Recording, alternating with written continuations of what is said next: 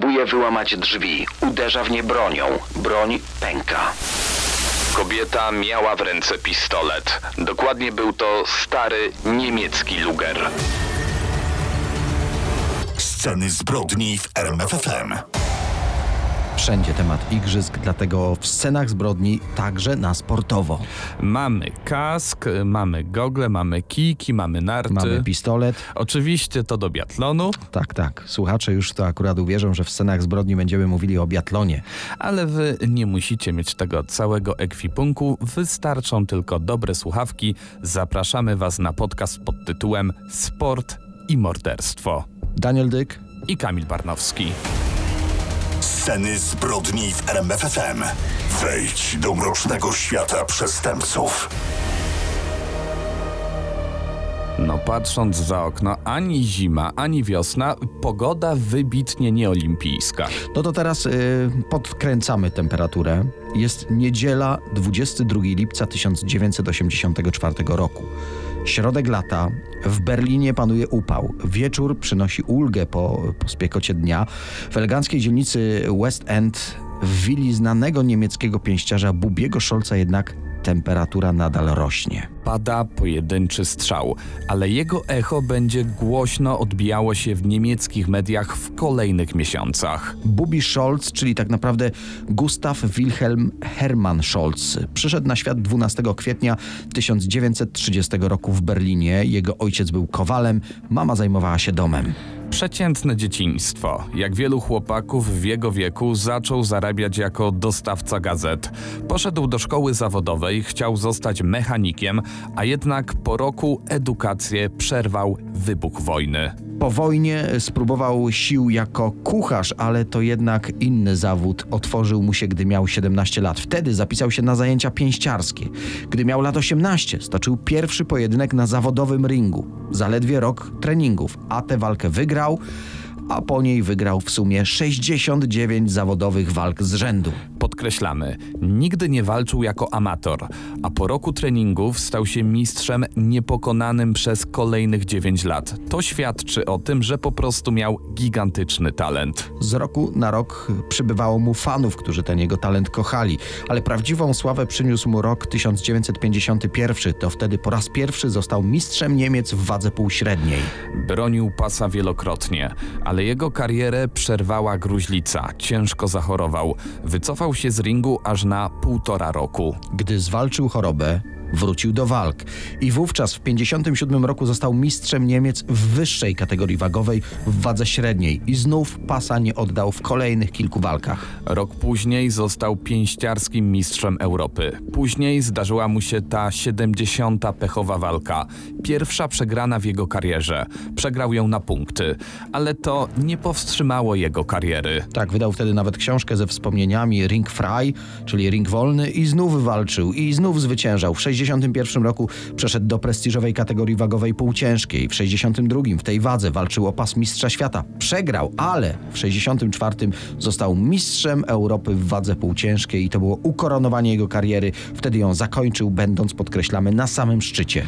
O geniuszu boksera świadczy zawsze jego rekord. Bobby Scholz przez 16 lat stoczył 96 walk zawodowych. Wygrał aż 88 z nich, w tym 46 przez nokaut. Przegrał jedynie dwie walki i obie na punkty. No, Niemcy go kochali.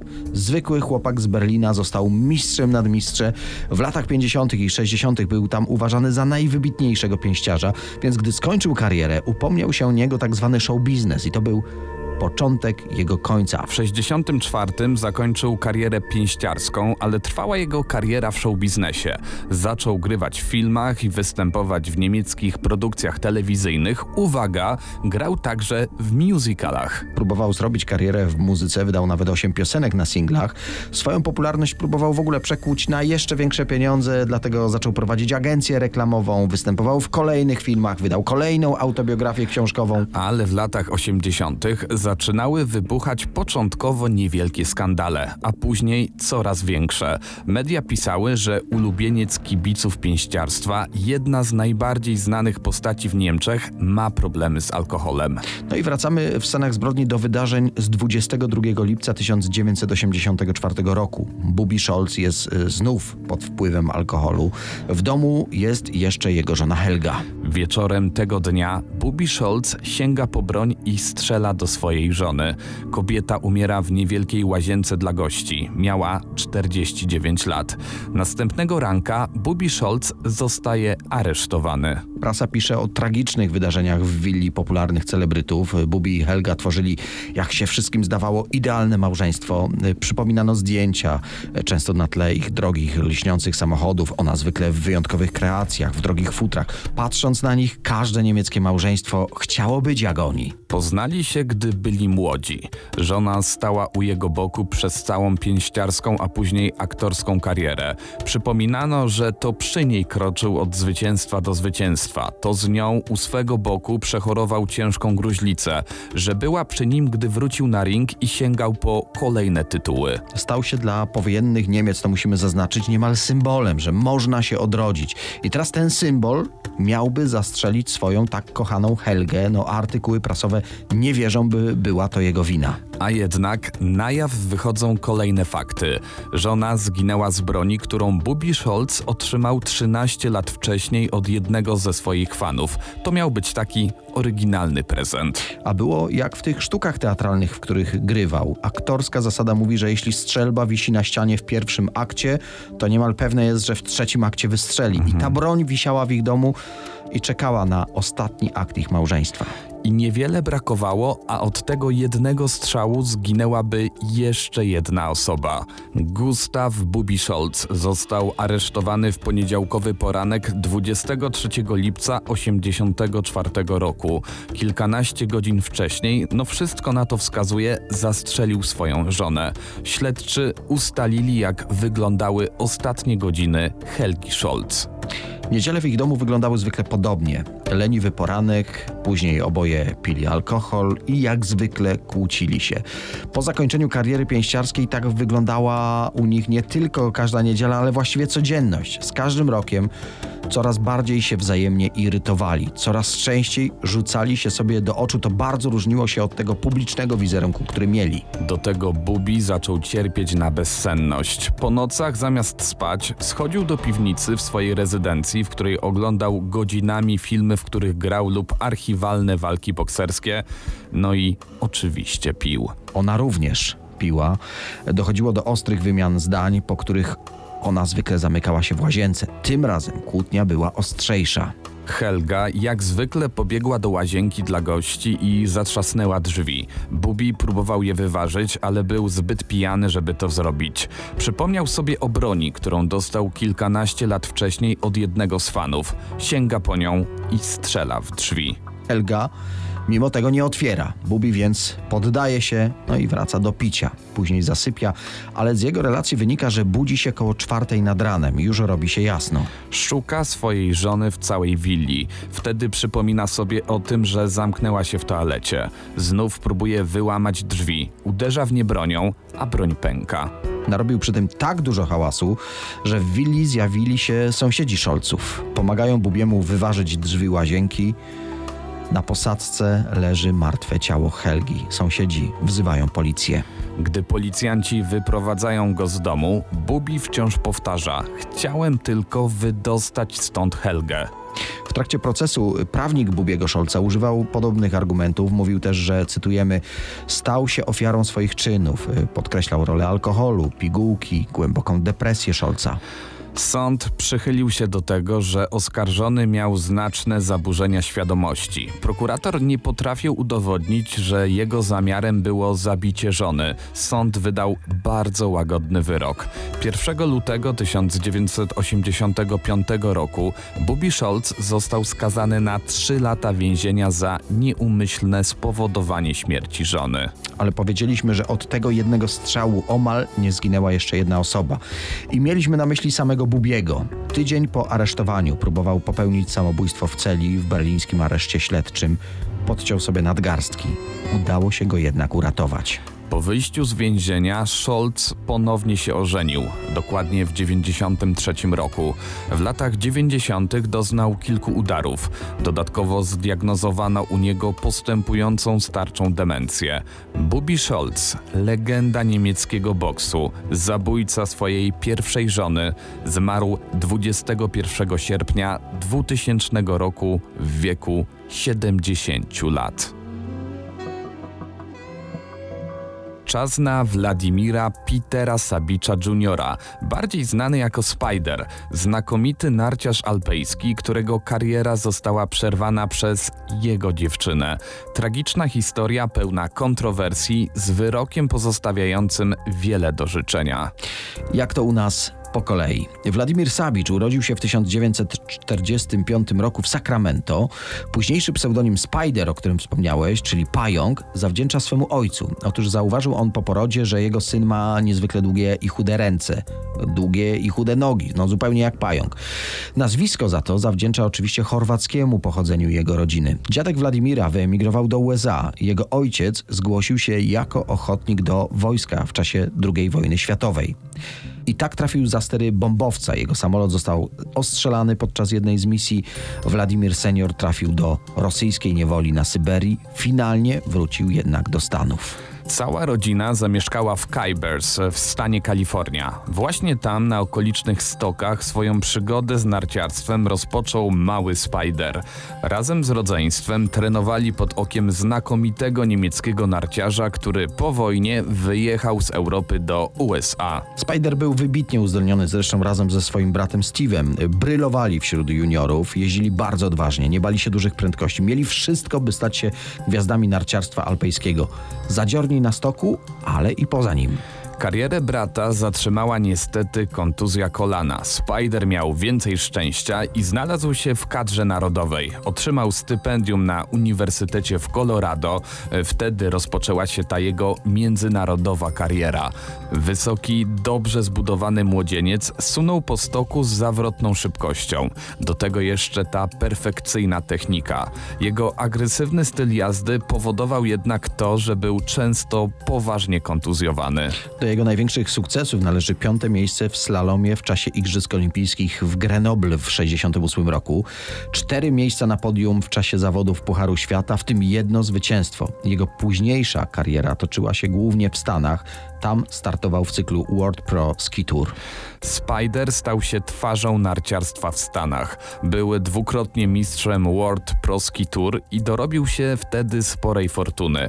Barwna, charyzmatyczna i fotogeniczna postać. Do tego okładki magazynów, prywatny samolot, drogie samochody. Był gwiazdą i kochał luksus. Sukces finansowy pozwolił na przeprowadzkę do ośrodka narciarskiego w Aspen. To najsłynniejszy kurort narciarski w USA. Niestety późniejsze kontuzje zatrzymały tę karierę najbogatszego zawodnika w narciarstwie zawodowym. W 1972 roku, czyli u szczytu sławy, Władimir Sabicz poznał w restauracji piękną aktorkę, popularną piosenkarkę Claudine Longet.